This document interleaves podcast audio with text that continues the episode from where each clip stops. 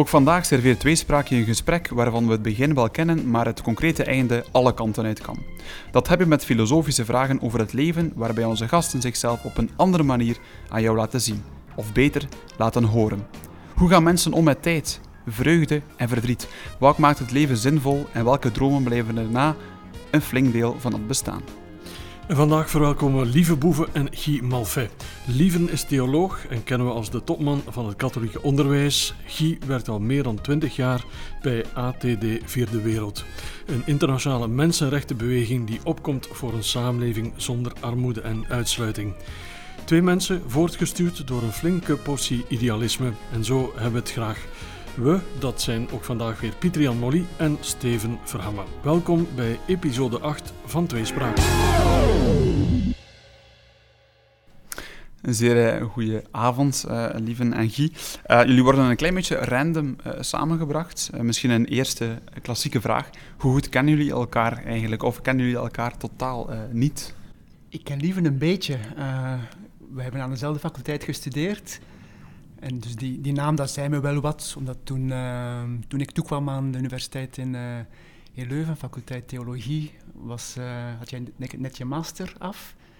En, dus je was dan, denk dan assistent. Um, dus die naam circuleerde wel.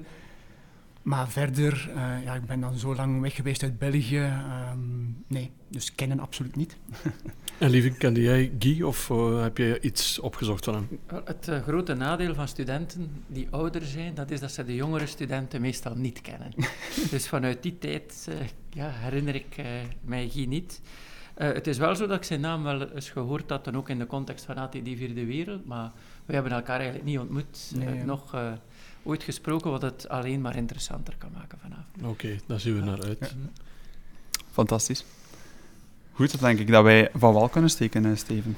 Jullie hebben de vragen op voorhand gekregen. Um, waren er vragen bij waarvan je zei van, toch niet zo eenvoudig om die snel snel te beantwoorden, Guy? Er zaten weinig vragen bij waarvan ik dacht van, oeh, dat is makkelijk. en had jij ook dat gevoel, liever op je... Ik zal onmiddellijk een bekentenis doen. Ik heb in de auto daar straks nog gebeld naar mijn vrouw om te vragen hoe ik op uh, de vraag uh, rond die 100 euro moest antwoorden. Ja, ja.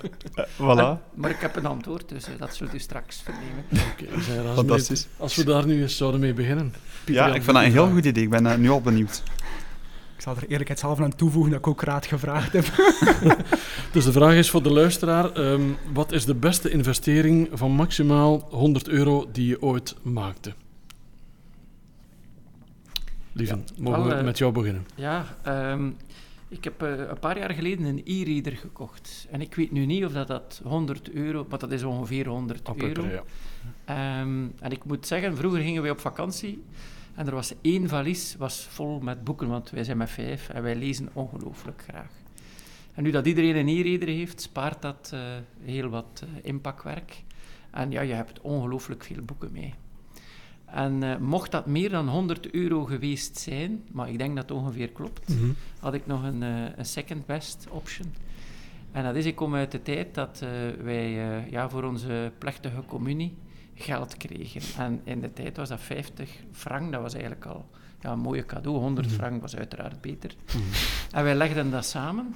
Uh, en dan heb ik een, um, een uh, ja, recorder. Dat was toen in één geheel. En je ja. kon dan liedjes opnemen met de cassette recorder van de radio. En dat is eigenlijk de manier waarop dat wij toen met muziek omgingen. En waarom is dat een van de betere aankopen die ik ooit gedaan heb? Omdat ik die sinds dat ik 12 was gebruikt heb tot ongeveer 10 jaar geleden. Niet meer om muziek op te nemen, mm -hmm. maar wel om naar de radio te luisteren. Mm -hmm. Dus ik denk dat dat ja, de twee aankopen zijn. Mm -hmm. En als ik dan toch moet kiezen, misschien dan toch die radiocassette recorder, want okay. daar hangt meest ja. jeugdsentimenten aan. Mooi verhaal. Ja. Als je zo gewoon bent om in boeken te bladeren en dan schakel je plots over naar zo'n e-reader, is dat een zware stap, grote stap voor jou geweest? Maar ik lees uh, die, in die, op de e-reader alleen voor, uh, voor, voor plezier. Uh, het is wel zo dat ik bijvoorbeeld als ik documenten moet lezen en, en daarop werken, dat ik die wel uitprint mm -hmm. of ja, een, een, klassiek boek neem. En lees je nog klassieke boeken ook of is het allemaal op de e-reader dan? Maar bijvoorbeeld, ik heb de, de meeste mensen deugen van de vakantie gelezen, mm -hmm. maar ik vond ik vind dat een mooie titel en ik wou ook eens weten. En dat heb ik toch in een boek gelezen, omdat dat uh, toch een ander type ervaring is. Mhm. Als het vrije tijdslectuur is, het is ook het lichtere genre, het zijn detectives, het zijn, dan, dan kan dat gerust op de e-reader. Ja. Oké, dankjewel. Mooie start. Guy, heb jij zo'n investering waarvan je zei van dit was toch wel de moeite waard? Um, ja, ik, ik heb uh, een raad gevraagd gisteravond en dan zeiden mijn kinderen, ja, onze Cleo, hè, dat is onze poes. En uh, het is ook wel een beetje een vreemd verhaal. Ik ben zelf uh, een boerenzoon, dus opgegroeid met, uh, met koeien ook. Varkens niet zoveel, maar ik heb nooit een passie gehad voor, voor dieren en ook van thuis uit. Mm -hmm. Dat niet echt meegekregen. En nu en dan is bij ons wel de vraag geweest bij onze kinderen voor een huisdier. Maar ik heb het altijd zoveel mogelijk afgehouden, ook altijd met ja, perfecte voorwensel. We verhuizen regelmatig, dus ja, wat moeten we daar dan later mee doen? Dus ja, nu dat we terug in België zijn, um, kwam die vraag terug naar boven, een poes. En dan zaten we eerst op een appartement en van nee, nee, dat hoeft niet. Enfin, dat hoeft niet, dat was voor mij nee, dat kan niet. uh, en dan um, ja, afgelopen zomer zijn we, was plan om naar Brussel te verhuizen waar we een klein tuintje hadden. En dat was de jongste die zei van, ik verhuis niet mee, tenzij we een poes krijgen. Mm -hmm. Dat was natuurlijk vrij duidelijk. Dus we hebben die nu bijna een jaar. En het vreemde is dat, uh, sinds dat uh, dat diertje bij ons is, ja, de helft van de gesprekken aan tafel die gaan over uh, onze poes. dat is zo vreemd, terwijl we absoluut daar niet mee bezig waren. Maar dus Cleo, hè, die poes, heeft zo een plaats ingenomen. Ja. En dat doet mij denken aan veel verhalen die ik hoorde van mensen in armoede, hè, waar mijn engagement mee is, mm -hmm. waar huisdieren ook zo belangrijk zijn. Ik heb het altijd vroeger zoiets gehad van, ja, hoe kun je daar nu geld aan uitgeven? Hè? Uh, van de klassieke vooroordelen van, uh, ze kunnen hun geld niet besteden, want hè, ze geven daar een huisdier uit in plaats van aan dingen die belangrijk zijn.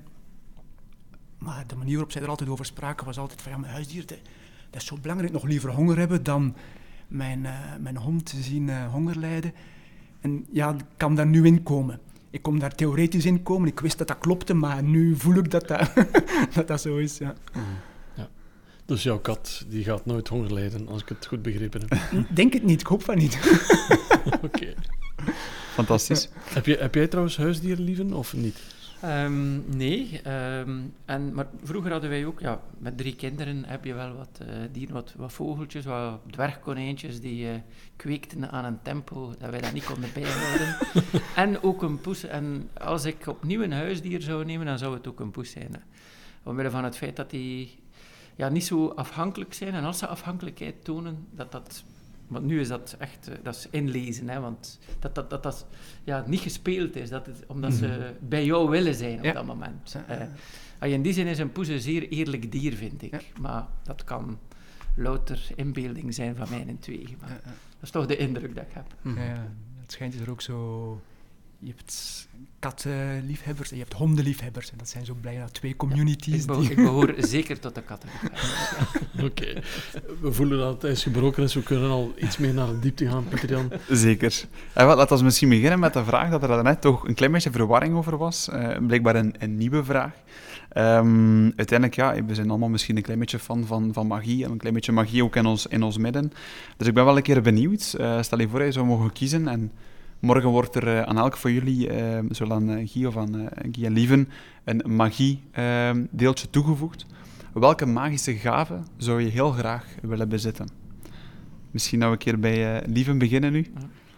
Ja, ik heb ondertussen wat kunnen nadenken. En um, ik, ik, heb ooit een, een, film gezien maar ik, waar je dus de tijd kon stilzetten. En dat je dan de enige was die zelf nog kon bewegen. Met andere woorden, alles staat stil. Mm -hmm. Maar je kunt zelf dan, en, en, dat je dan eens kunt gaan observeren wat er gebeurt. Ja. En meestal sta je midden in de actie. Mm -hmm. um, maar, ik, maar, ik, maar ik merk dat ook aan mijzelf, dat ik heel graag ook toeschouwer ben van wat dat er gebeurt. Mm -hmm. En dat je die twee momenten van deelnemen en toeschouwen, dat je dat voor een stukje zou kunnen splitsen. Uh, en, een keer, ja, en dan rondlopen en kijken, ja, hoe, hoe zit dat hier met de mensen? Dat moet, dat, dat, moet fantastisch zijn als je dat kan doen. Het heeft ook het voordeel dat je nu en dan ook eens wat tijd voor jezelf zou kunnen kopen, terwijl iedereen niet voort kan doen. Dus, ja. uh, en misschien is dat, ja, dat is, ik denk dat dat mij ook wel goed zou uitkomen. om nu en dan in de drukte een keer wat tijd voor mijzelf te kunnen kopen. Voel je de nood echt actief nu? Dat je zegt van af en toe ik op de pauzeknop duwen en een keer rustig observeren en even... Uh... Ja, maar we komen natuurlijk uit een drukke... Allee, de vakantie is... Uh, ik heb wel vakantie kunnen nemen, maar... Uh, ja, voor de mensen die thuis luisteren, dit wordt opgenomen eind augustus. Ja. ja. De corona... De corona toestand bleef toch op de achtergrond. Ja. En we hebben het gemerkt, we hebben een vliegende start met onderwijs genomen. We zijn sinds half augustus bezig, kunnen de scholen open en in welke code kunnen ze open. Dus uh, ja, dat, dat heeft er toch wel uh, voor gezorgd dat, we, dat het onmiddellijk ja, volle bak was. En uh, ja, ik, heb ook al gedacht, als dat het ritme blijft voor de rest van het schooljaar, dan uh, zal de volgende vakantie zeker verdiend zijn. Ja. Hoe heb je trouwens zelf de voorbije maanden ervaren qua, qua ritme voor jezelf? Um, wel, uh, iedereen gaat er een beetje van uit dat thuiswerk uh, dat, je, dat dat meer op het gemak is en zo. Maar ik heb dat niet ervaren. Ik moet zeggen, ook het, uh, het online vergaderen en het lang online vergaderen is ongelooflijk vermoeiend, vind ik. Ja. Mm um, en dus in die zin, dit, ja, deze week kon ik vier dagen opnieuw naar de Gimaarstraat, waar mijn kantoor is. En ik heb het mij echt nog niet beklaagd. Mm. nee. Ja. Guy, jij zit in een compleet andere sector. Heb jij ook nood aan een pauzeknop soms? Of ja, ja heel, heel vaak. Ja, um, ja klopt. Het is een andere sector, maar tegelijk, jammer genoeg, eigenlijk is uh, die redrace, dat, dat rennen in de tijd altijd uh, meer moeten doen. Ja, dat vind ik ook bij ons, dat dat uh, er helemaal ingeslopen is. En ja, dat vind ik heel spijtig. en dan denk ik dat, dat wij er nog heel veel geluk hebben omdat wij ja, wat, een uh, wat ongewone organisatie zijn, hè, waar we toch heel veel vrijheid hebben, heel veel tijd met mensen kunnen nemen. Dus ik hoef op het einde van de dag geen rapport te maken en te zeggen van ik heb zoveel cases behandeld, ik heb dit en dat gepresteerd. Dat hoeft bij ons allemaal niet. Dus ik heb enorme luxe. Eh, maar toch voel ik die, uh, ja, die, die druk en uh, ja, die, die pauzeknop, dat wordt ook meer en meer belangrijk. Ik weet niet of dat te maken heeft met de midlife-crisis die eraan komt. ja, um, ja, ja, En heb jij dan soms ook de nood om op een terrasje, zoals Lieve zei, te gaan zitten en de mensen te observeren? Wel, daarmee kom je in de buurt met wat ik wou antwoorden op de vraag van... Um, ik zou graag een extra zintuig hebben. Oké. Om... Um, om mensen beter te, te begrijpen, te, aan te voelen, te zien, te, nu, ik besef ook wel dat dat een stuk de magie wegneemt. Hè, want het feit dat je elkaar niet zomaar kan doorgronden, heeft ook heel veel charmes. Mhm. Mhm. Maar soms ben ik wel uh, jaloers op mensen die zo precies een, uh, een zesde zintuig hebben, mm of een zevende. En die, die direct aanvoelen van, maar dat klopt er niet wat die zegt. Of ja, die zegt dat wel, maar zo is dat niet. Of uh, heb je gevoeld hoe, hoe angstig dat die was? En ik van, oh, ja, ik heb dat allemaal niet gevoeld. Zo van, ja, ja. ja. van, oh, kon ik dat maar. Ja. En echt, soort... echt gedachten lezen ook dan? Of? Nee, nee het moet, moet eerlijk blijven. Hè, van, uh, maar wel ja, het aanvoelen van mensen. Ja, ik denk dat ik mij daar wel kan verder in scholen. Maar, maar moest ik daar zo een knopje hebben dat ik regelmatig ja. kan aanzetten, met plezier. Ja. Een soort ex, extra portie empathie, is het dat wat je bedoelt? Ja, ja zeker. Ja, em, empathie, ik denk dat ik die wel heb. Uh, maar een, een begrijpen van.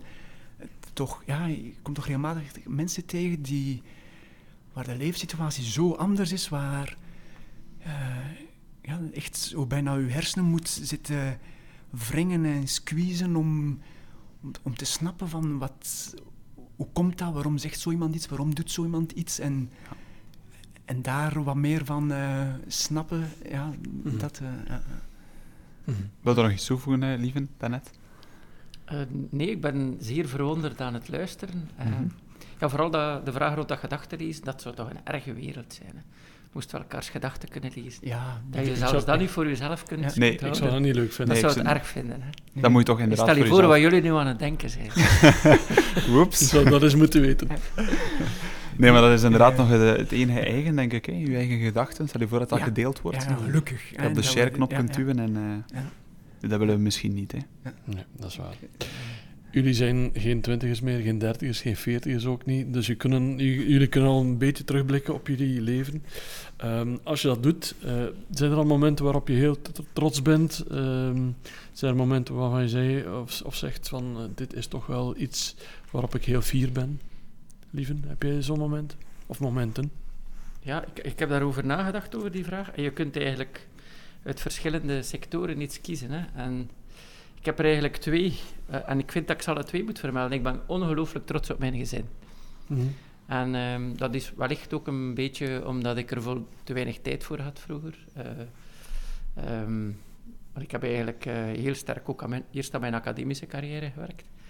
Um, maar toch, ik ben daar ongelooflijk trots op. Mijn kinderen zijn ondertussen het, het huis uit. hebben juist ook een huis gekocht. En, allee, dus wat dat betreft, uh, ja, ik vind dat ze dat schitterend gedaan hebben. Uh, dat ze dat schitterend doen. Ik ben daar ongelooflijk trots op. Maar een tweede waar ik eigenlijk trots en dat is dan wel professioneel. Het verwijst eigenlijk naar de, de periode waar Guy daar juist uh, naar verwees. Dat is, ik heb onderzoek gedaan aan de KU Leuven en mijn doctoraatsonderzoek. En ik herinner mij nog, je begint aan een doctoraatsonderzoek en je denkt, goh, wat gaat daaruit komen? Zal ik wel iets vinden dat de moeite waard is? En eigenlijk heb ik daar een idee gevonden Namelijk ja, dat we kunnen leren van verschil. dat was een nieuw idee op dat moment. Nu denkt iedereen van natuurlijk, je moet naar de anderen luisteren en dialoog is belangrijk. Maar toen was dat eigenlijk betrekkelijk nieuw, want iedereen ging ervan uit dat, dat, er maar, ja, dat iedereen hetzelfde dacht. En als we maar genoeg ons verstand gebruikten, dat we allemaal op hetzelfde zouden uitkomen. Hè. Uh, om uh, de filosofen onder ons, uh, Habermas, als we dat doen, dan, dan komen we daar wel. Terwijl eigenlijk het omgekeerde, je leert eigenlijk mm. veel meer van iemand die anders denkt. En je leert vooral iets over jezelf. En ik heb dat ja, ook filosofisch, theologisch toen mogen, mogen uitvlooien in de, tussen het jaar 90 en 95. En eigenlijk alles wat ik tien gedaan heb intellectueel, is daar nog altijd op gebaseerd. Dus daar ben ik eigenlijk wel, ja, toch wel trots op dat we dat toen gedaan hebben. Ik heb ook mijn doctoraatsverdediging was een moeilijke verdediging, want niemand nam dat aan op dat moment. Mhm. Dat was een beetje tegendraads. Uh, ja, dus niet dat ik had punten genoeg, hè, daar was het niet. Maar, mhm. maar wel zo van mensen die zeiden van, je hebt wel je werk gedaan, maar dat klopt toch niet wat dat je zegt. Mhm. En ja, goed, uh, maar ja, dat is een beetje de... Ja. En die, die tegendraadse natuur zit er nog wel een beetje in. Dus, ja. Want je staat ook aan de top van een heel grote organisatie. Uh, is dat ook iets wat je met trots vervult? Dat je dat behaald hebt, bereikt hebt? Ja, ja, ja dat is waar. Uh, maar maar ik zou dat niet als een prestatie van mezelf. Terwijl dat andere, ja, dat was echt ja, doorvrocht. Ik heb daar hard moeten aan werken, lezen. Dat andere, allee, ik bedoel, ja, ik ben nog decaan geweest van de faculteit theologie. Ik vond dat ook plezant. Wat ik ook altijd uh, allee, aan, tof vond, is dat je kunt een verschil maken in een organisatie ook. En dat je leiderschap uh, verschil. Bijvoorbeeld herprofilering van die faculteit theologie in een tijd waar dat toch moeilijk was, om te kijken hoe dat we religiestudie, andere godsdiensten konden integreren in een, in een echt theologisch project, hè, die, waar die oorspronkelijke doelstelling niet losgelaten wordt. Aan de katholieke dialoogschool, ik vind dat ja, een mooi project, anders zou ik daar niet, niet voor gaan. Ik vind dat allemaal tof, maar voor mij is dat allemaal het gevolg van dat, van dat, ja, van, van dat moment. Misschien romantiseer ik dat nu een beetje, dat, dat kan gerust zijn. Maar goed, als je 50 bent en wat meer, dan mag, dan mag je wel romantiseren over, uh, over de jeugd. Is het, is dat bij jou helemaal anders? Want jij zit natuurlijk ook in een sector waar het materieel veel minder belangrijk is en zo. Wat is voor jou iets dat jou trots en, en fier maakt op jezelf?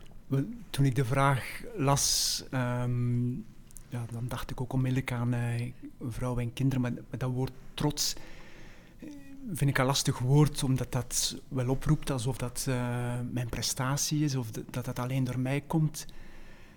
En dus had ik zoiets van, ik, als ze dat vragen, dan maak ik daar dankbaarheid van. Hè. Mm dan uh, is het probleem opgelost. Mm -hmm. Ja, en dan zoals liefde, hè, van uh, ja, getrouwd zijn of te kunnen samenwonen, kinderen hebben, dat, uh, het is een enorm cliché.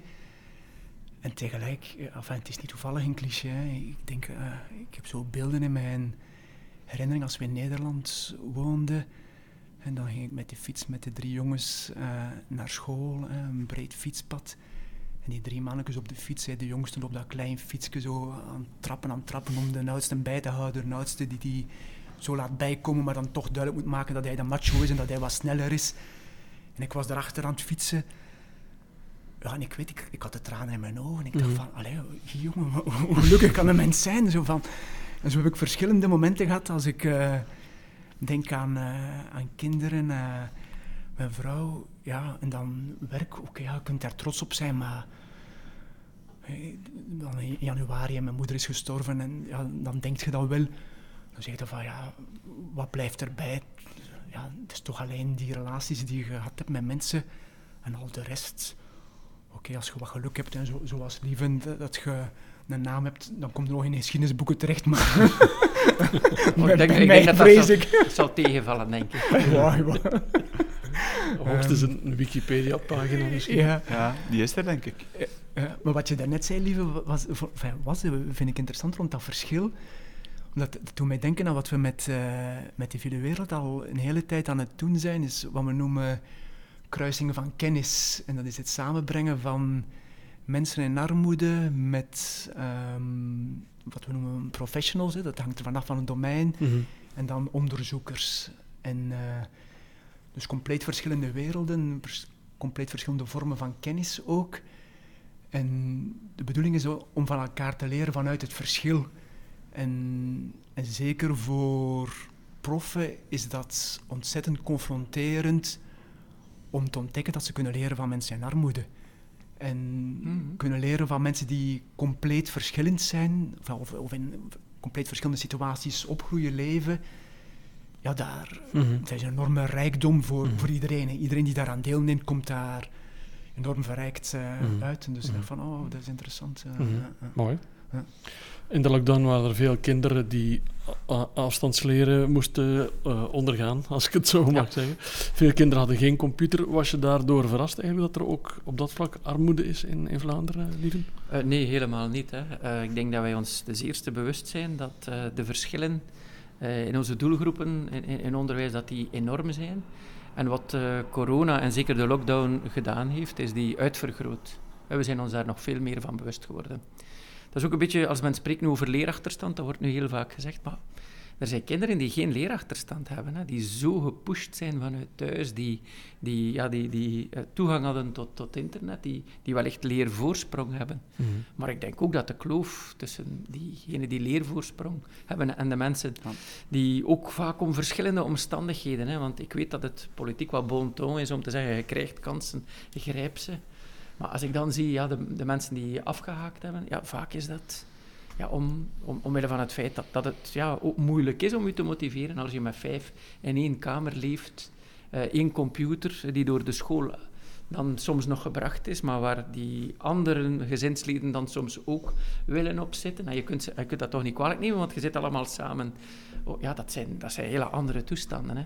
Dus wat dat betreft denk ik dat... Uh, en, en ik ben allee, ja, eigenlijk ook enorm fier op een heel aantal van onze leraren en, en directies die toch alles geprobeerd hebben zoveel mogelijk van die jongeren aan boord, te, te, horen en die ook ongelooflijk spijtig waren. Ik, ik herinner me nog mensen uit het Gentse, ongelooflijk spijtig waren dat ze daar niet altijd in geslaagd waren. Mm, ja.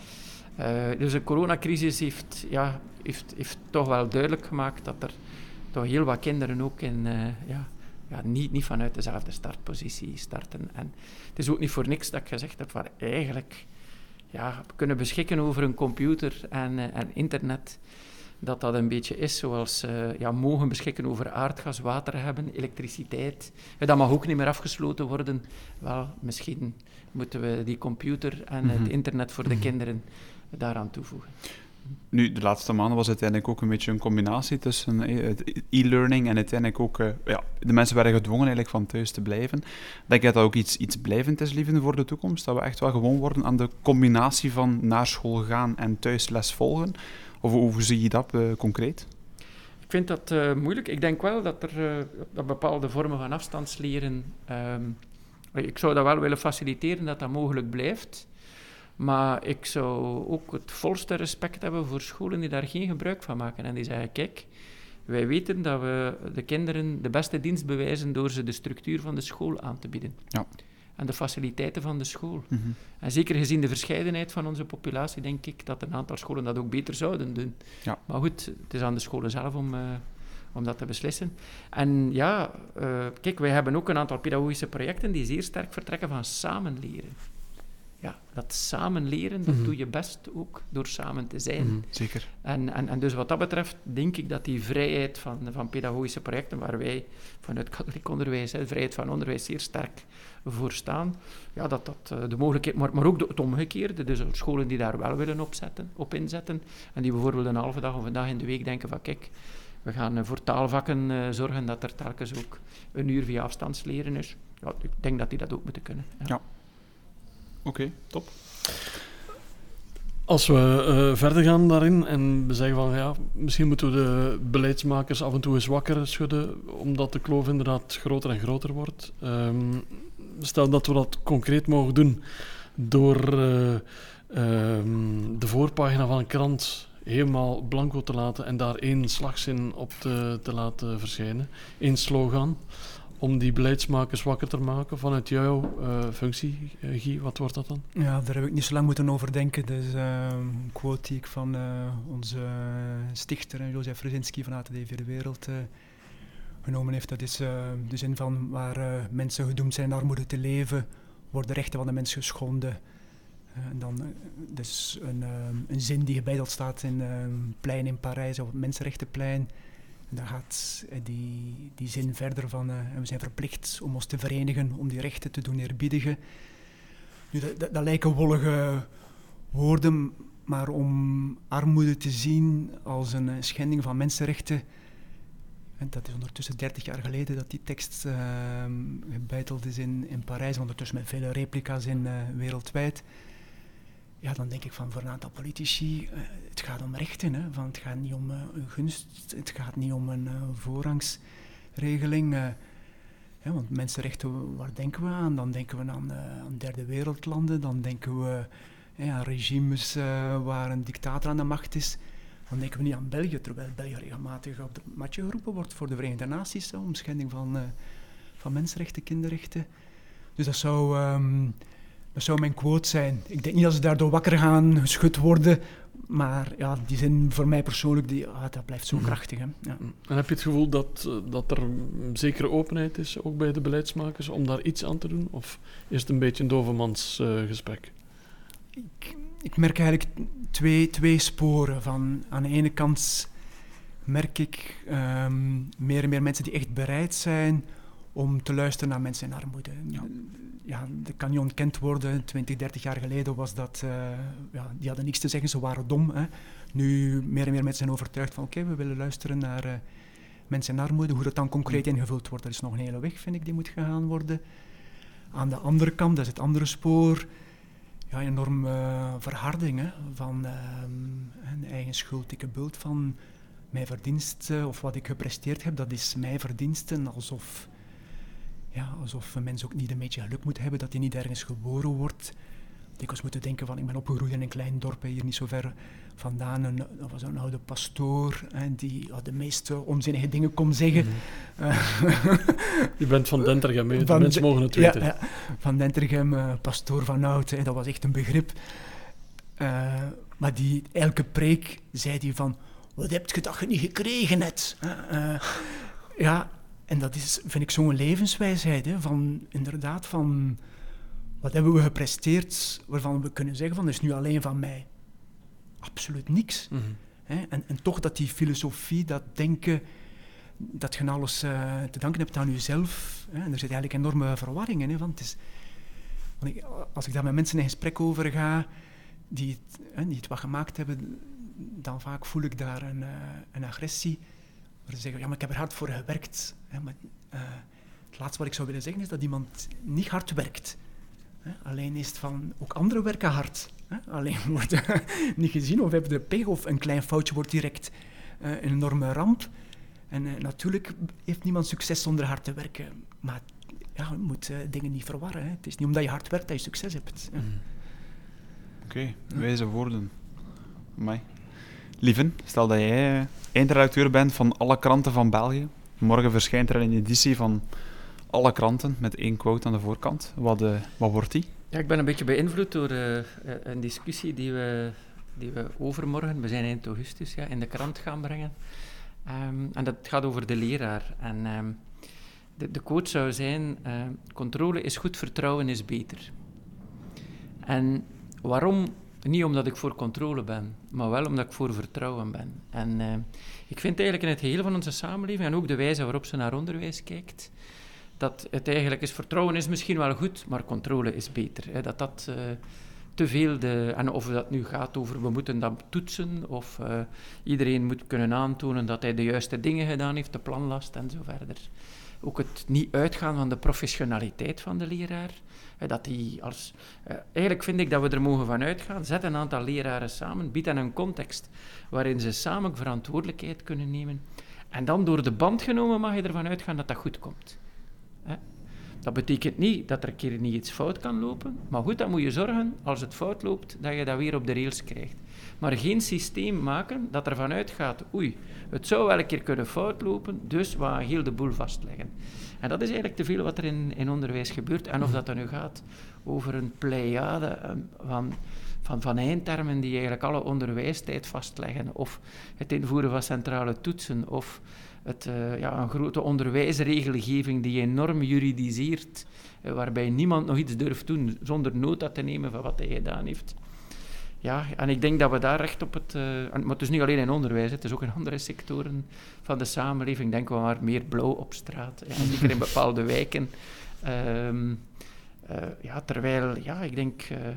ja, in de meeste gevallen doen, de, doen mensen als ze het, ja, verantwoordelijkheid mogen nemen en het vertrouwen krijgen, doen die de juiste dingen.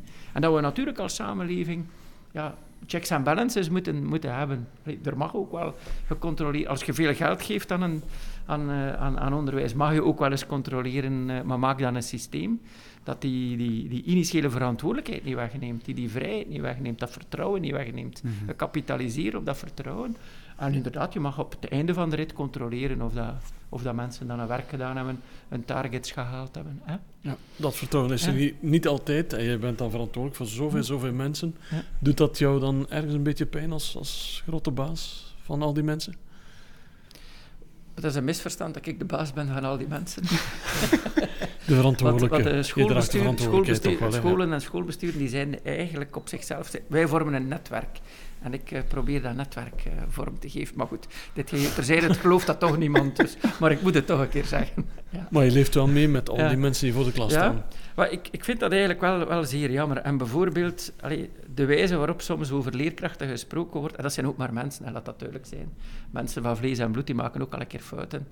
Ik, ik, ja, ik zie daar eigenlijk wel vanaf. Uh, ook bijvoorbeeld over de kwaliteit van het onderwijs. Ons onderwijs zit op een schuif af. En dan denk ik, ja, ons onderwijs behoort nog altijd tot de betere onderwijssystemen in de wereld. Oké, we hebben wel wat, wat, van onze pluimen verloren en we mogen dat zeker niet laten passeren. We moeten daar actief op inzetten.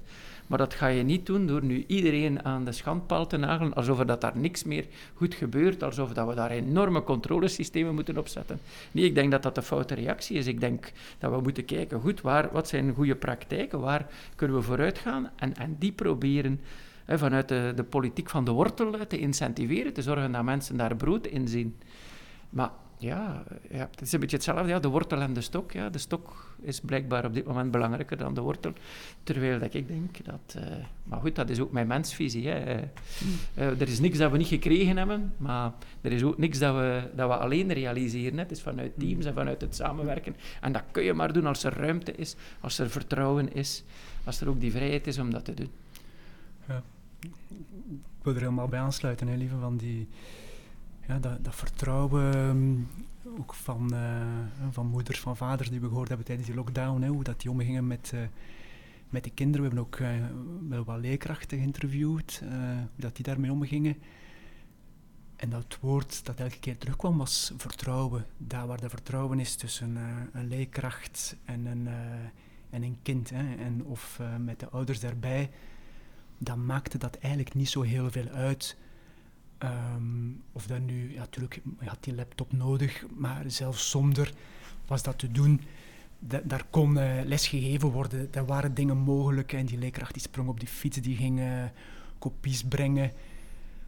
Maar waar dat vertrouwen niet is, dan mocht jij uh, een duurste laptop hebben met een, ik weet niet wat voor internetverbinding en livestream. En dat gaat, dan, dat gaat nooit werken. En, en daaraan gekoppeld is, um, ja, waarom is dat vertrouwen zoek? Omdat we denk ik elkaar ook zo weinig kennen. Hè.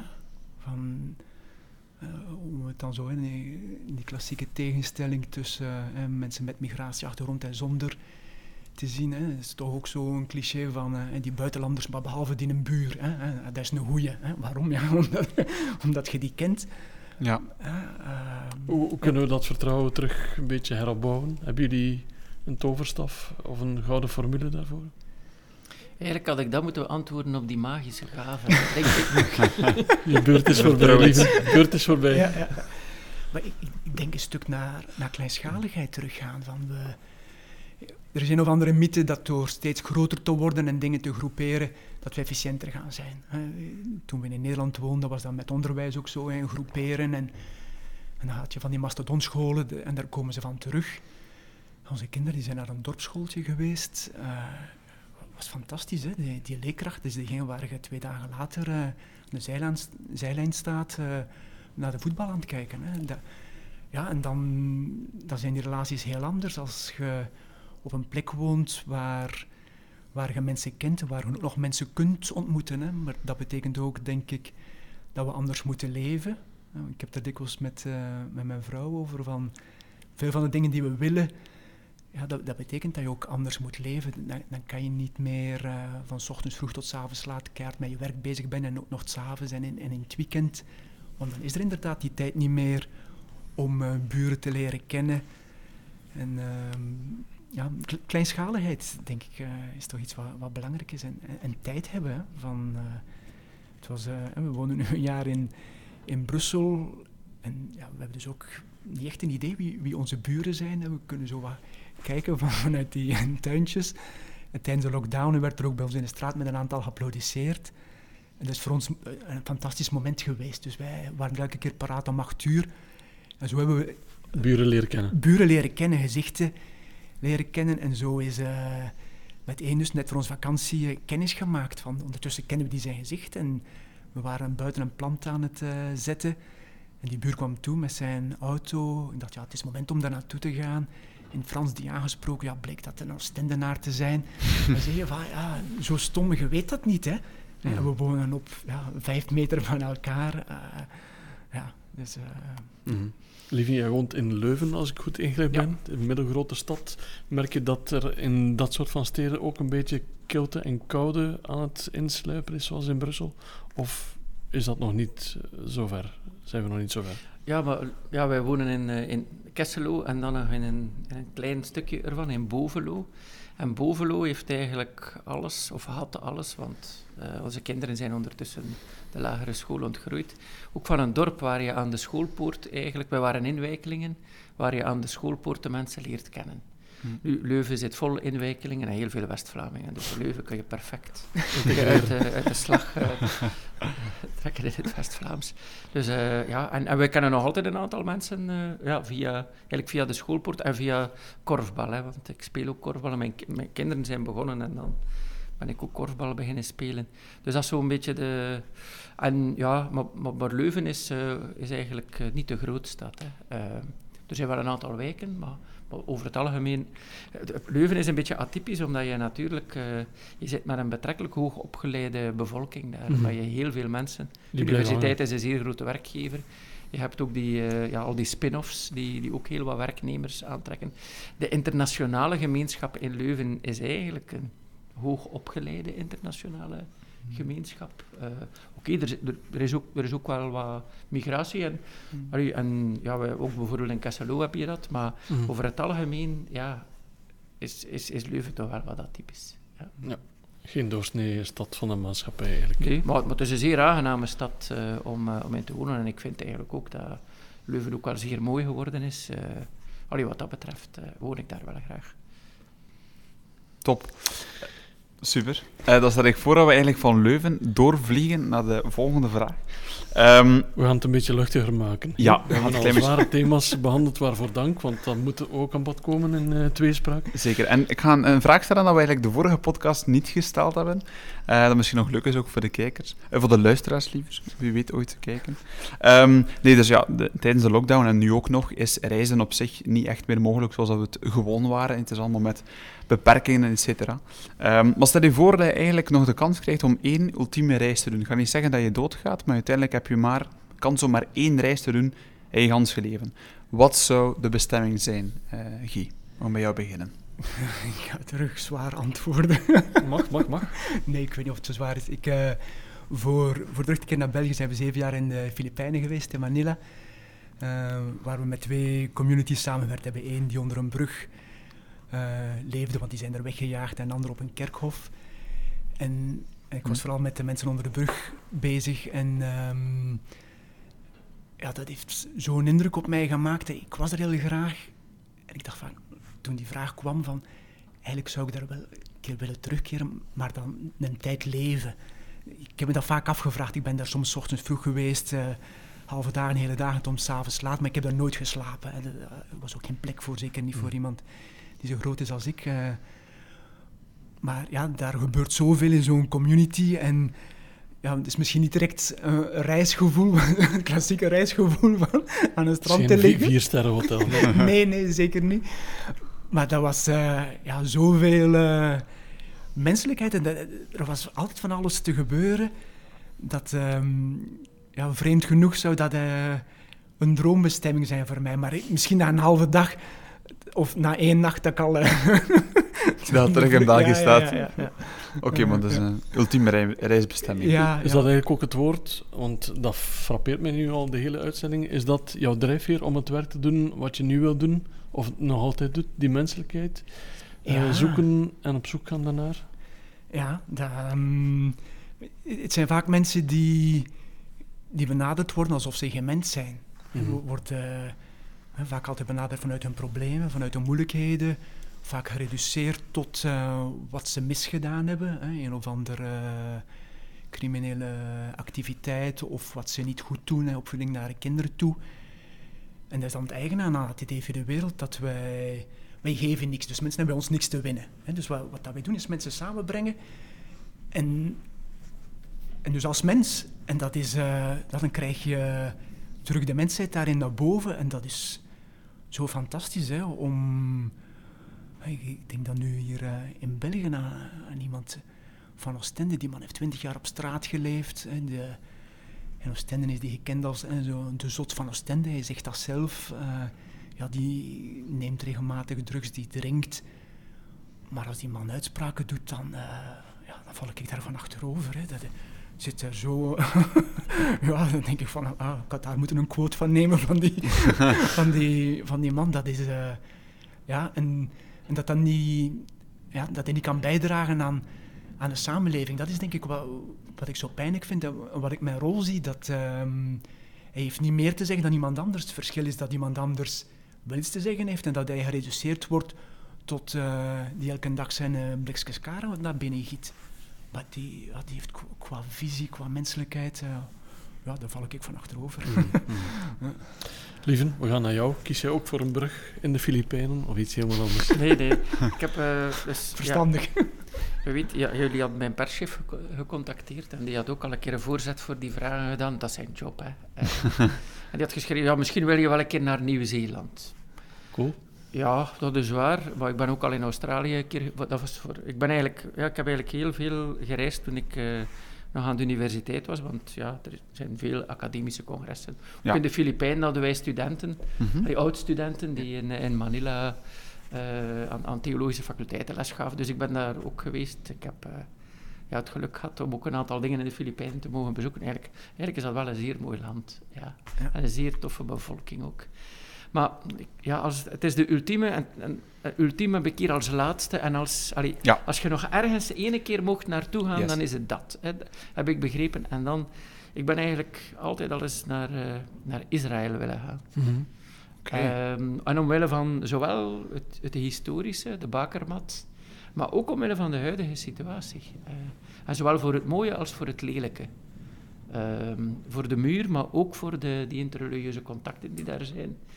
Um, dat zou ik wel nog eens willen meemaken.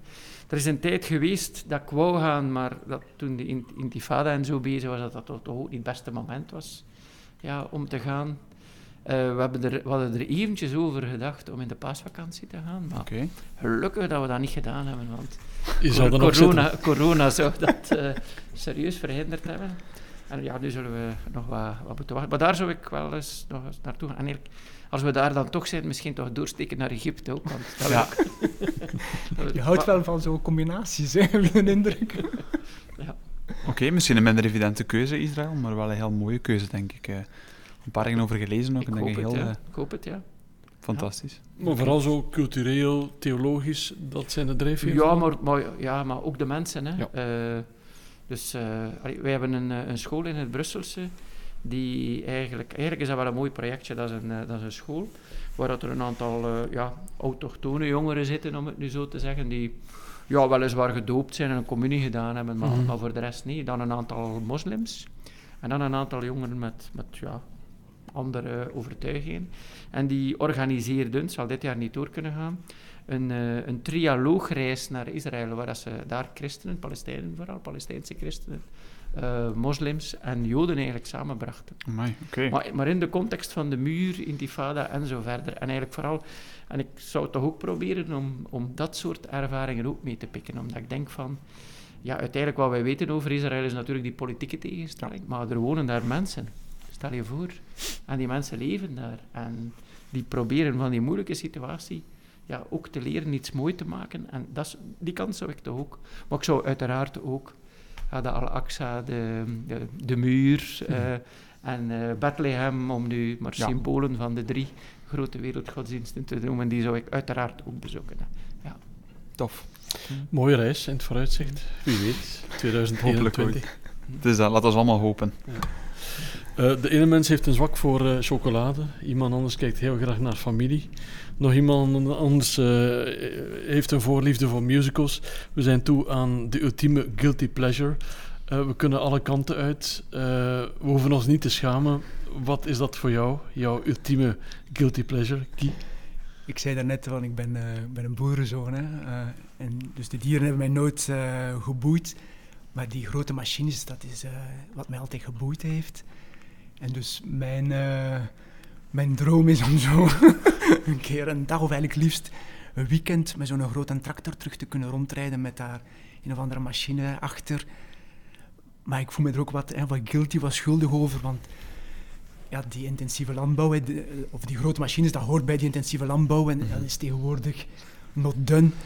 Dus ik zit daar zo wel mee, maar moest dat kunnen dat ik uh, terug een keer op zo'n groot ding kan zitten en uh, mij kan laten gaan, ja, dat zou ik fantastisch vinden. Ja. We zijn okay. acht afleveringen ver. Ik vind dat het veruit het meest originele antwoord Ja, dat is inderdaad. De meeste zeggen chocolade of zo, een speciale serie of zo. Maar, maar... Ja, maar dat zit diep bij mij van... Ja, in Brussel natuurlijk kom je geen tractors voorbij, hè, maar ja. op andere plekken, of ook nu waar dat we met vakantie waren, we zijn aan het wandelen, ja, dan is mijn vrouw aan het kijken naar vogels en naar de natuur. En dan zit ik naar die boerderijen aan het kijken, zo van, wat voor een tractor is dat daar? Of, oh, oh daar is er een aan het werken. Vent, ja, al, die, al die merken. En dan, ja, dan stop ik en dan valt mijn mond open. En dan kijk ik totdat ik die niet meer kan zien. Zo en dan. ik, heb, ik heb niets met tractor, maar wat, wat spreekt er daar dan in aan? Is dat die power? Is dat die... Ja, ik weet het niet. De... Um, een stuk vrijheid misschien ook wel? Ja, ik denk een beetje van alles zo. Van dat zijn toch ergens ja, wondertjes van techniek ook. En ik heb zelf die grote machines niet gekend. Hè. Daarvoor was onze boerderij te klein. En dat, ja, maar ik keek toen al uit naar, naar die grote dingen. En ja, dat is zo indrukwekkend. Dan zijt je terug kind. Hè. De, uh, ik denk dat dat is. Hè, van, zo, zoals je als kind met zo'n bulldozer kunt spelen in de zandbak. Ja. Maar dan is dat een grote bulldozer. Ja, dat is terug kind zijn. Ik herinner me trouwens de afleveringen van uh, Erik Goens van Die Huis. was ook met een tractor dat hij eigenlijk naar het huis reed dan. Het is ook fantastisch om te zien, zo'n heel oude tractor. Ja. En de gast zat er eigenlijk naast dan, richting boven. Dat was fantastisch. Ja. was denk ik bijna drie kwartier op de tractor. Omdat dat gaat uiteindelijk ook heel traag. Ik vind het wel mooi ook. Uh. Mm -hmm. Ik heb zelf ook niets met tractors. Ik vind het wel, uh, vind het wel tof. Een beetje nostalgie hoor ik toch in jouw verhaal ook. Hè? Zeker ook nostalgie. Ik heb zo'n beetje een raar, um, een raar uh, verhouding met mijn verleden. Van, als, als boerenzoon was ik daar niet zo blij van om, om kind te zijn. Enfin, om als kind te zijn van ouders die, uh, die boeren waren. Hè. Van, ik, ik zag met de vakanties dat uh, andere kinderen van de klas die, die gingen op vakantie. Wij gingen nergens naartoe. In het beste geval één keer per jaar gingen we naar de zee. Hè. En dan zei mijn moeder altijd van, uh, wij keren terug als de anderen toekomen. Hè, want die, die koeien moesten gemolken worden. En die sprak ook altijd over die, die strontkoeien. Hè. Um, maar ja, door andere mensen te leren kennen. Uh, en dan mijn collega's in het buitenland, als ik dan uh, hen vertel van, van waar ben je opgegroeid, landbouwer, dan zo, oh wauw, zeker mensen in Frankrijk, daar riep heel andere emoties op. In het begin snapte ik dat niet. En dan eigenlijk met de leeftijd ben ik beginnen appreciëren van ja, wat voor een prachtige omgeving ik ben kunnen opgroeien. Ik heb heel veel vrijheid gekregen. Niet, niet direct morele vrijheid, maar fysieke vrijheid. Hè, van, uh, ja, om eigenlijk ja, ook domme dingen te doen, gevaarlijke dingen te doen, die nu absoluut, ja, als je dat doet uh, als ouder, dan wordt, worden die kinderen gelijk geplaatst. Op een boerderij, dat, dat kon ik mij als manneke van zes jaar met een tractor rijden en eigenlijk te licht zijn om die pedalen te kunnen induwen om te remmen. Hè. En dan zo moeten springen, hè, totdat hij een tractor stopt. Hè. En dan in het dorp zo, ja, de, een tractor van Malfait die rijdt en er zit niemand in. Zo, hè. ja, dat is nostalgie, ja, zeker. Uh, ja. Fantastisch. Super. Lieven, guilty pleasure? Ja, dat ben is, heel benieuwd. Dat is de mijne, maar gewoontjes. Na zo'n verhaal. Uh, ja, er is... Uh, ja, guilty pleasure, er moet een beetje guilt bij zijn ook. Hè. Um, je mag je schuldig voelen, guilt. Ja, maar eigenlijk... Ja, maar er is eigenlijk weinig guilt bij, bij, bij het eerste. Dat is, ik, ik eet ongelooflijk graag blanche. En als dat op de kaart staat, ook al was ik niet van plan om een uh, dessert te nemen, dan neem ik alsnog één. Maar eigenlijk voel ik mij daar totaal niet schuldig over. Ik vind dat, misschien naar mijn echtgenote, dat, zeker als ik eens op de weegschaal gestaan heb, dat wat mij een schuldgevoel zou willen aanpraten. Maar nee, eigenlijk voel ik mij daar niet schuldig over. Wat, uh, wat ik gemerkt heb, dat dat minder goed valt als ik dat ooit een keer zeg. En dus zeg ik dat niet te veel, maar ik ga nu een uitzondering maken. Ik kijk ook zeer graag naar thuis. Maar blijkbaar uh, is dat ja, politiek niet zo correct. Terwijl dat, dat toch een politiek zeer correct programma is. Wat, ja.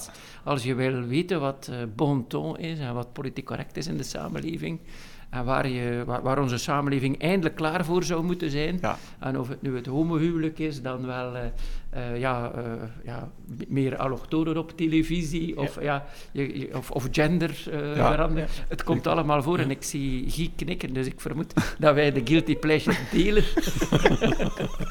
dus ja, dan, dan kun je eigenlijk maar thuis. Maar dat is gewoon, wij nemen dat ook op. Ja. En dus ik kom s'avonds regelmatig zeer, zeer laat thuis. En dan voordat ik ga slapen, uh, ik vind dat ook ja, mentaal zeer ontspannend. Ja. Dan kijk ik naar Brainless watching. Naar thuis, ja.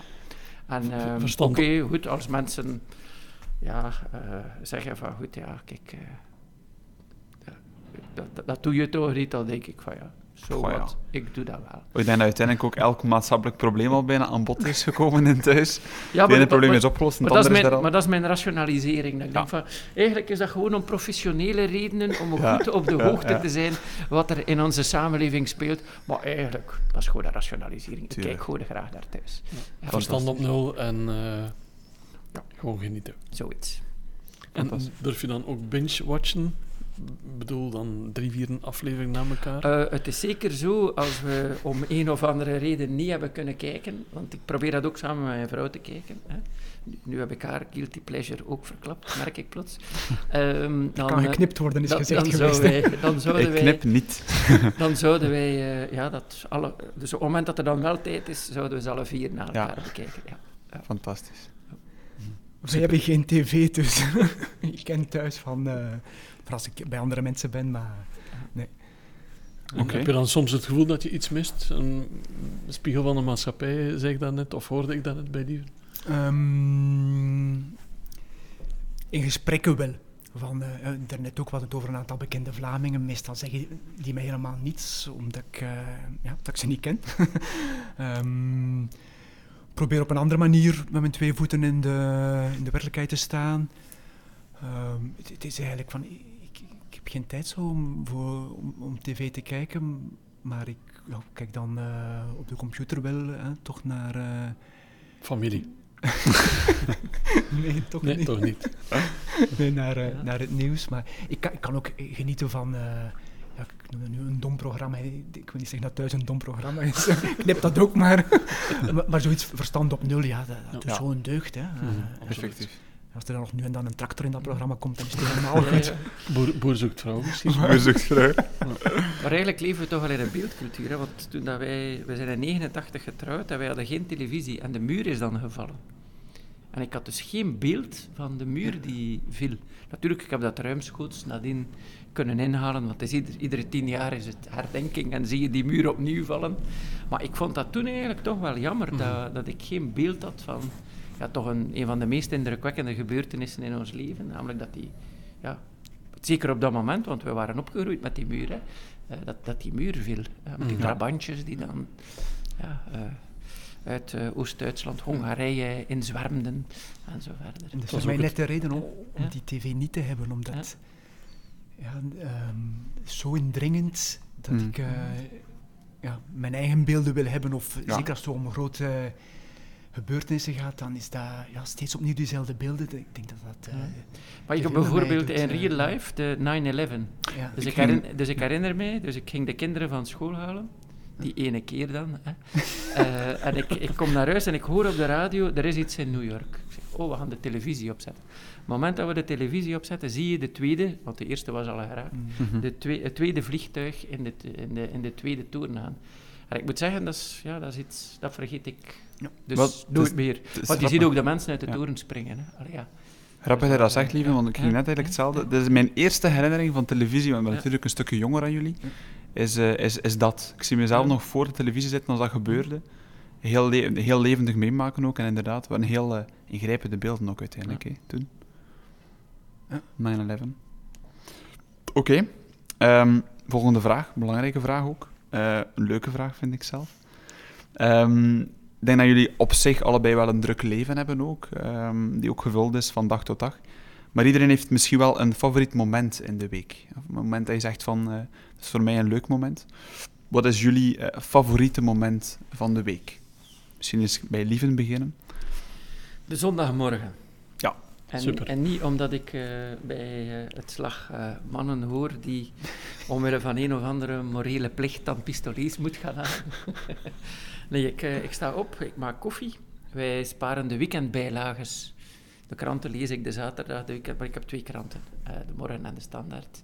Om professionele reden, uiteraard. Uiteraard, uiteraard.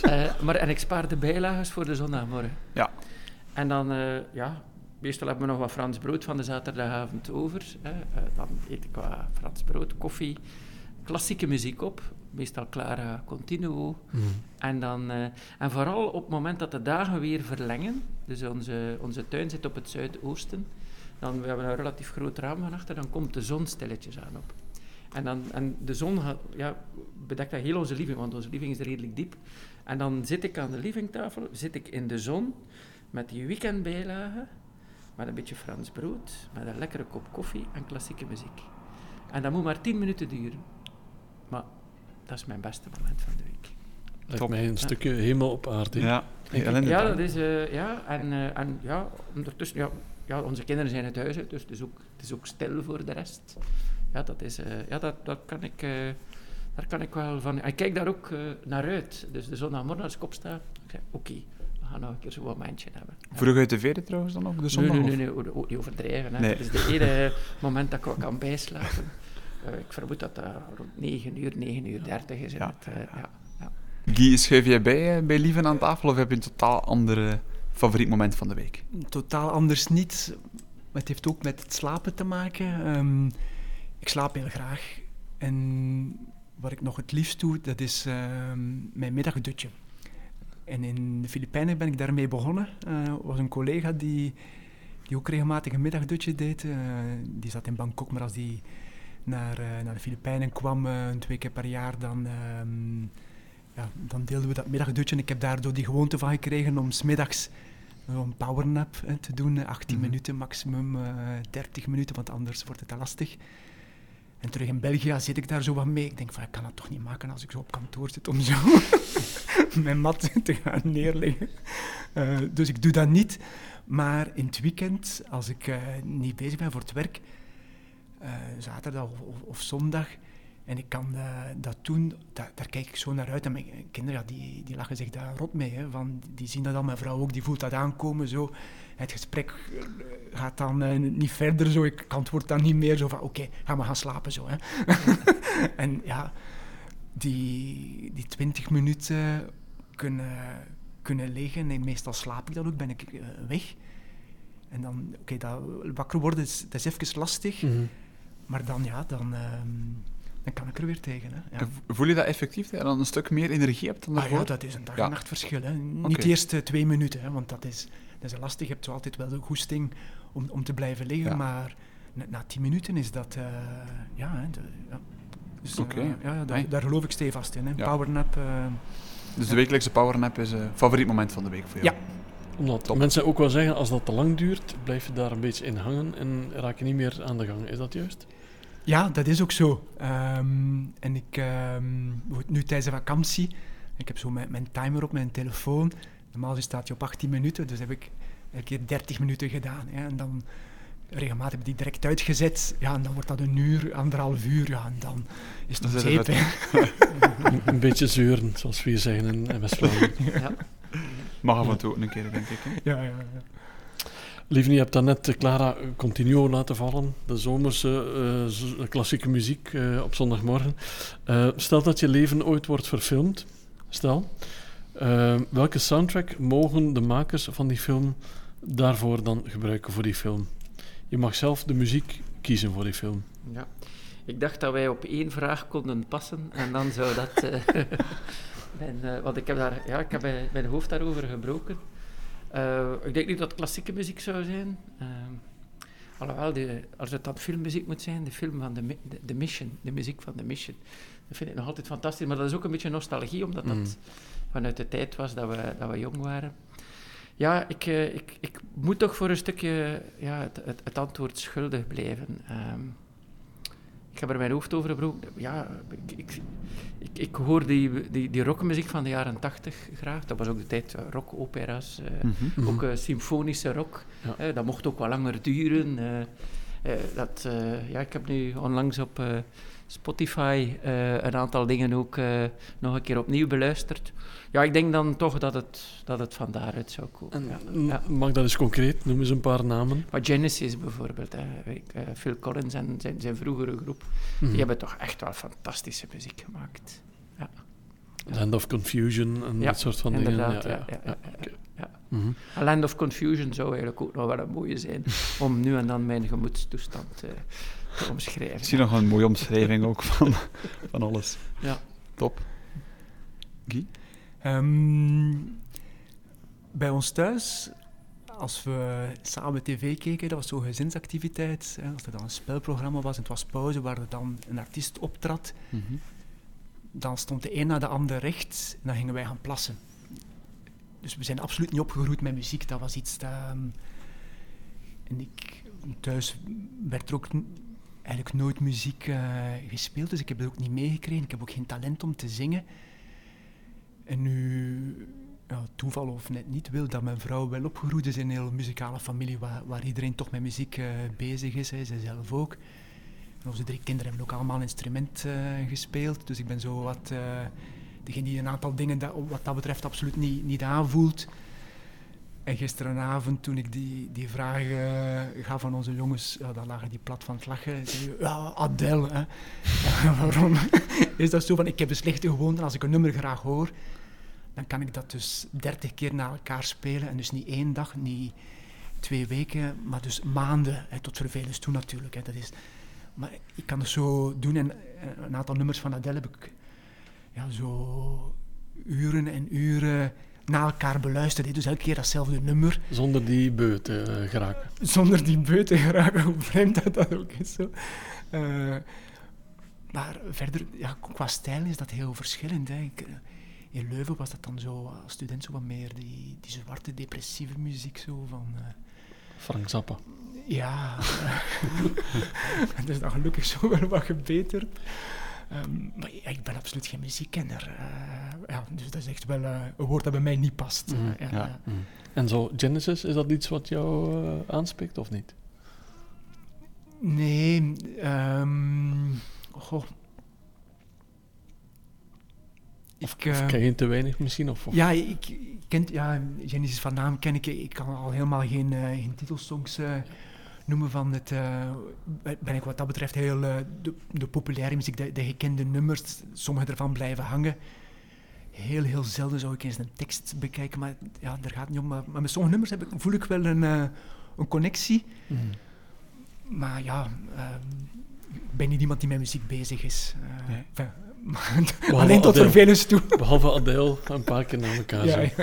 Dus eender welk Adele-liedje mag uiteindelijk wel onder jou Guy the Movie ja, geplaatst. Ja, ja, ja. Oké, fantastisch. Een hele film vol Adele kan leuk zijn, wie weet. dan nog blijft kijken. zeker, zeker. Goed, uiteindelijk zijn wij in een uh, wereld dat jullie zelf denk ik ook heel veel vertellen, misschien in totaal andere uh, sectoren. Uh, je vertelt veel op een dag, denk ik, sowieso. Maar zijn er zaken dat je zegt van, eigenlijk, ik, dat vertel ik minder. Hè? Dus wat vertel je eigenlijk nooit over jezelf aan een vreemde? Een bepaald weetje, een speciale gewoonte, eender wat. wat. Wat is er iets dat je niet veel vertelt, of nooit vertelt, aan een vreemde?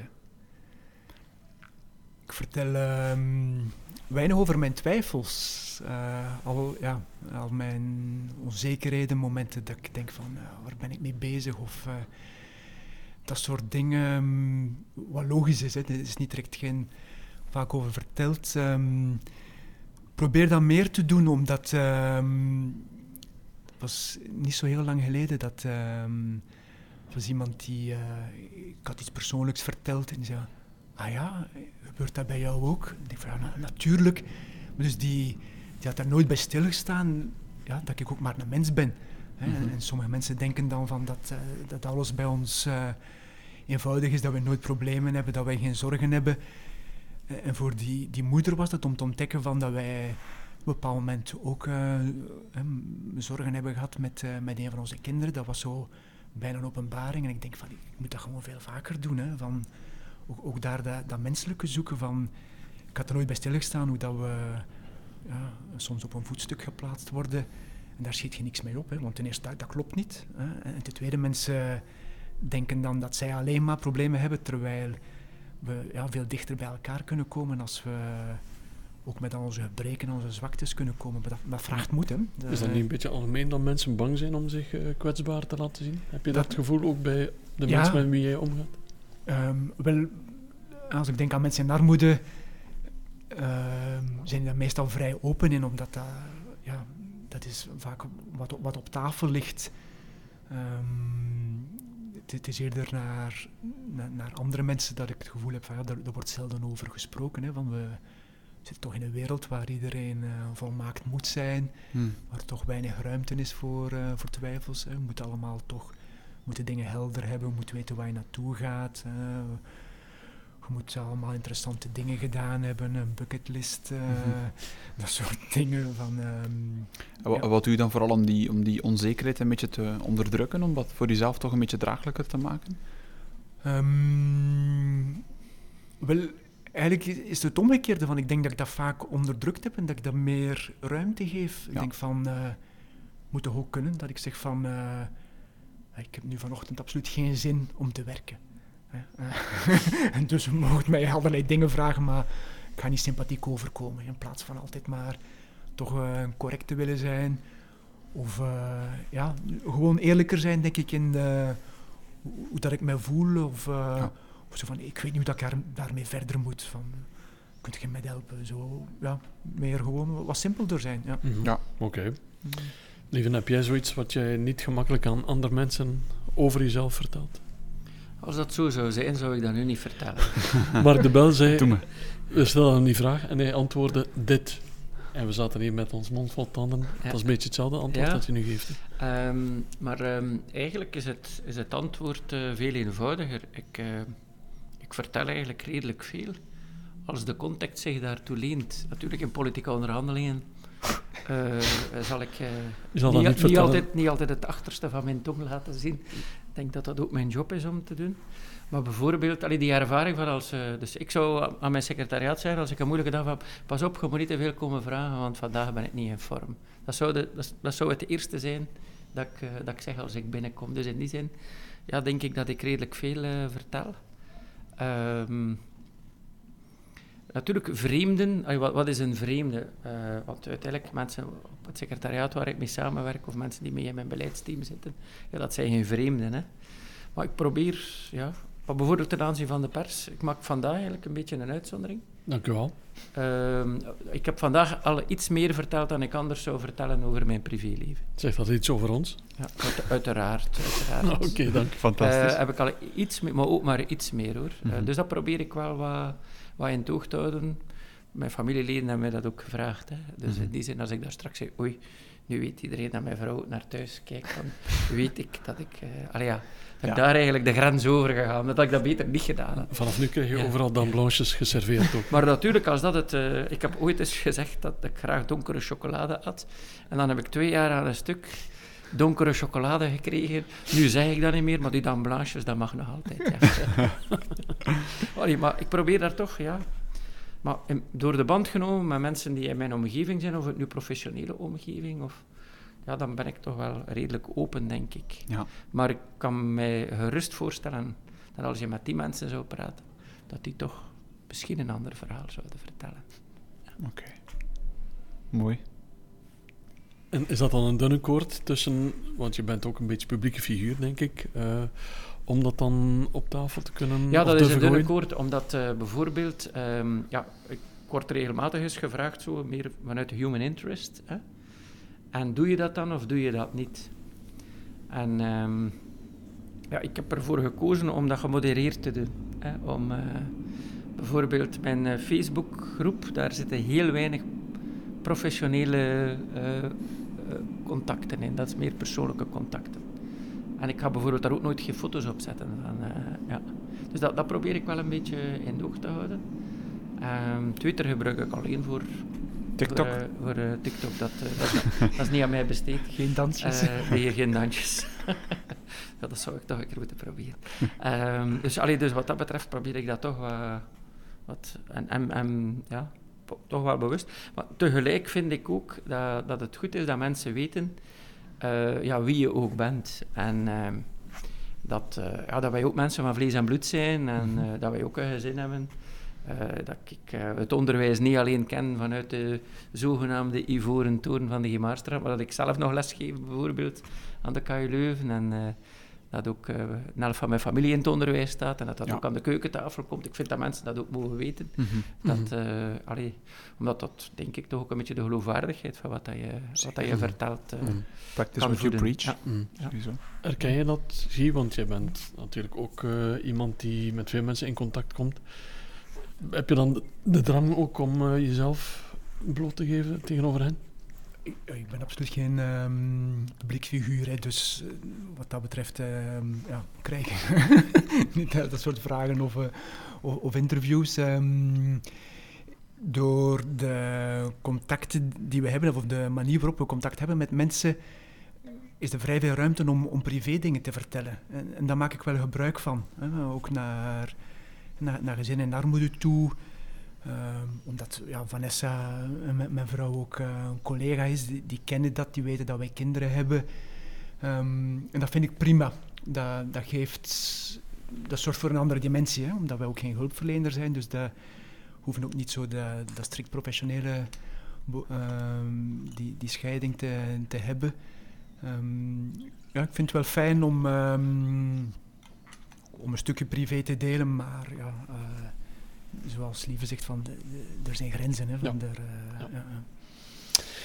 Heren, we zijn toe aan de laatste vraag. Ik mm. weet niet of jullie besef hebben van tijd, maar het is gevlogen. Uh, we hebben een mooie gehouden om te eindigen. Want ik wil jullie nu al bedanken voor jullie openheid. Het was heel leuk om jullie te gast te hebben. En dat is al meteen een compliment dat ik in naam van Pieter Jan en mezelf aan jullie wil geven. Zeker. Maar wat is eigenlijk naast dat compliment het allermooiste compliment dat je ooit hebt gekregen. En mogen ook weten van wie. Lieven. Ja. Um, nu ga ik uh, terug naar de, de periode van, uh, weer van mijn doctoraat. Um, en eigenlijk van een stukje daarna. Dus ik had een uh, professor De Schrijver, die u wellicht ook nog, die eigenlijk ja, een van de meest ja, intellectuele en veeleisende professoren die er was. Ik had die ook gekozen daarvoor, omdat ik vond dat ik mijzelf ook moest, moest uitdagen. Dat is een jezuïet. En uh, ik weet niet of dat jullie de definitie van een jezuïet kennen, nu gaat mij zeer onpopulair maken. Een jezuïet, maar eigenlijk een jezuïet die, die een zeer, zeer sterke spiritualiteit, die vertrekken, die hebben een heel, heel sterk zelfbewustzijn. Hè? En, um, en dus ja, het heeft eigenlijk zeer, zeer lang geduurd. Ik was eigenlijk al een hele tijd een collega van hem, vooraleer hij eigenlijk voor het eerst uh, voor een stuk appreciatie uitgesproken had het is niet dat hij, dat, dat, dat hij mijn werk niet goed vond, want professioneel, ik bedoel als promotor, had hij gezegd van, oh, dat is goed werk, dat is goed werk.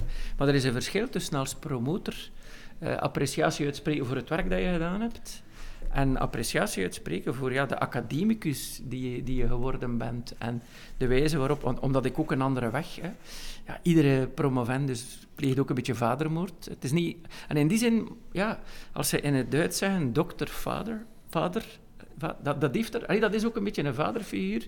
En je zoekt toch altijd een beetje de, de waardering daarvan. Hmm. En ik moet zeggen, ik, toen ik dat... ja, en dat, ik was eigenlijk... Ik was misschien al tien jaar prof, hè.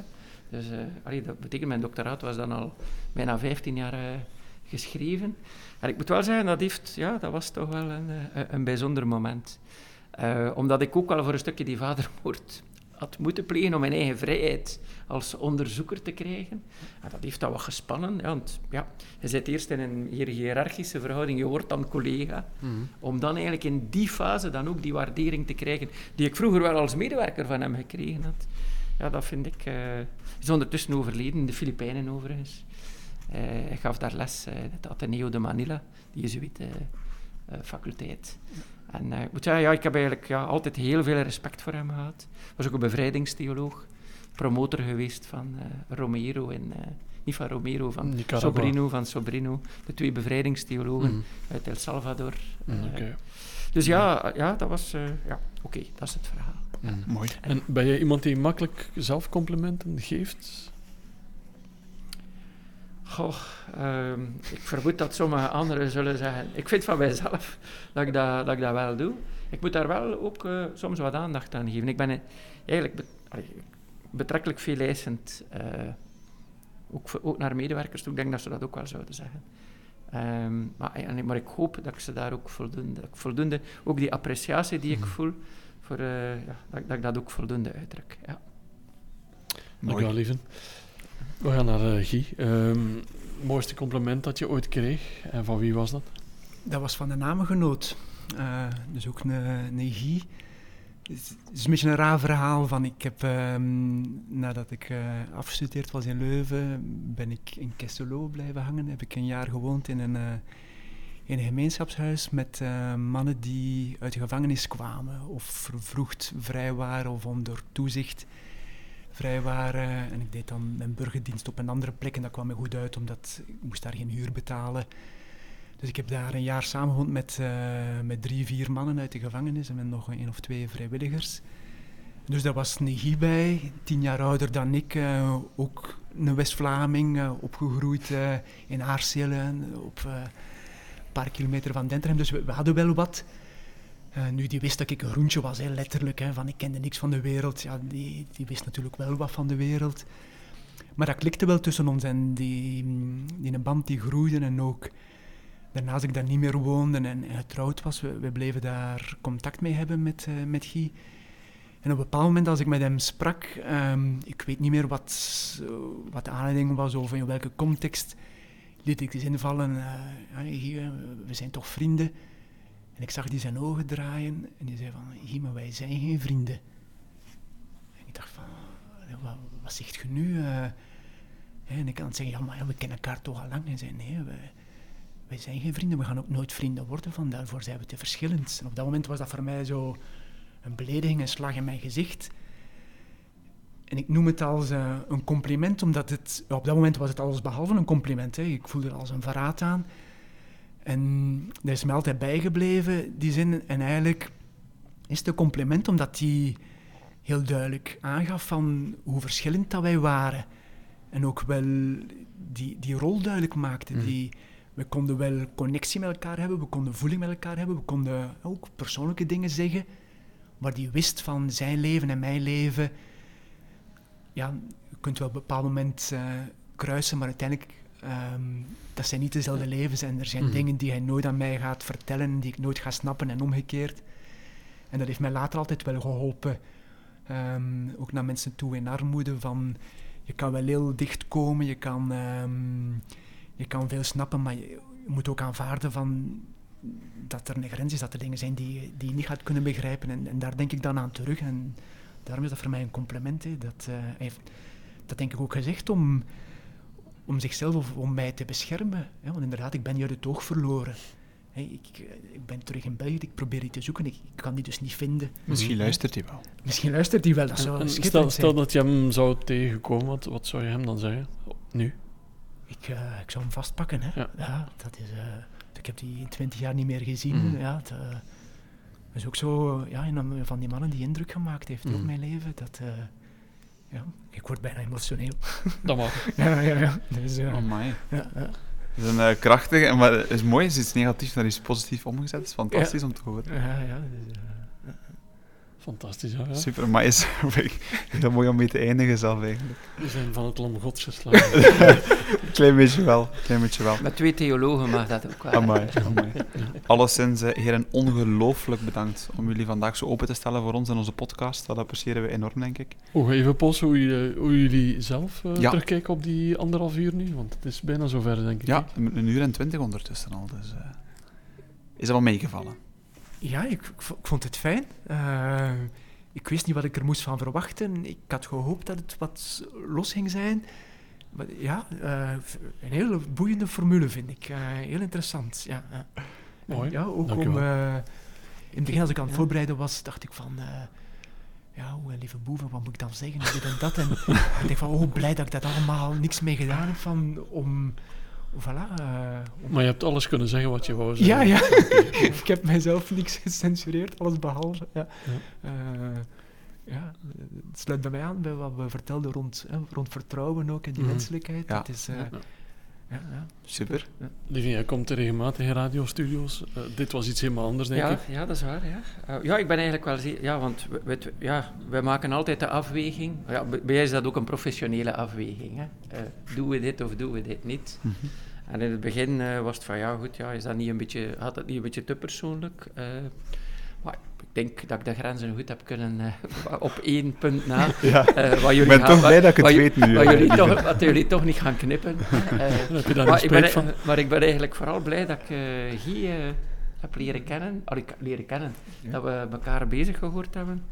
Eh, omdat het is, het is ook zeer herkenbaar. Hij, zit in een volledig andere sector. Maar ik denk de drive van waaruit hij werkt. We, we komen ook wel, we hebben dezelfde opleiding gehad. Je voelt ook, allee, we komen voor een stukje ook uit hetzelfde nest. Ik kom uit Veurne. eh, eh, niet uit de landbouwersgezin, maar de generatie da- daarvoor was dat wel. En dan voel je toch wel, daar zit een dynamiek in van, ja, ook, ook een maatschappelijke ambitie. En toch ook heel veel aandacht voor, ja, eh, ja, voor, voor, voor, voor die zelfkant van de samenleving. Ja, ja. Allee, ik, denk, ik vind ook, ja, ook, ook in het onderwijs, ja, wij hebben daar een enorme opdracht. Natuurlijk, mijn opdracht is om heel die boel te bekijken. Hè. Jij kan je ja, echt focussen op, eh, op, op, op die vierde wereld, maar het is ook iets dat mij zeer, en ik, zeer ter harte gaat. En ik, ik vond het echt eh, ja, ook tof om, om jou daar zo over te horen vertellen. Tot zelfs tranen toe. Ja. Fantastisch. Een beetje stenen verleggen in de rivier, zoals Bram Vermeulen dat dan zegt. Vind dat ik een heel mooie beeldspraak. Ja. Ja. Alleszins ongelooflijk bedankt ook, Steven, ook opnieuw, om eh, bij mij te gast te zijn dan. Dankjewel, En, eh, Pieter-Jan. Jij ook. En Lieven en eh Guy, Ja. bedankt voor jullie openheid, voor jullie eerlijkheid ook, voor jullie vertrouwen dat we mochten ervaren. Het gaat jullie allebei heel goed. Ja. En eh, Tot de volgende, zou ik zeggen. absoluut. Oké, Dank u wel. Bedankt. Ja.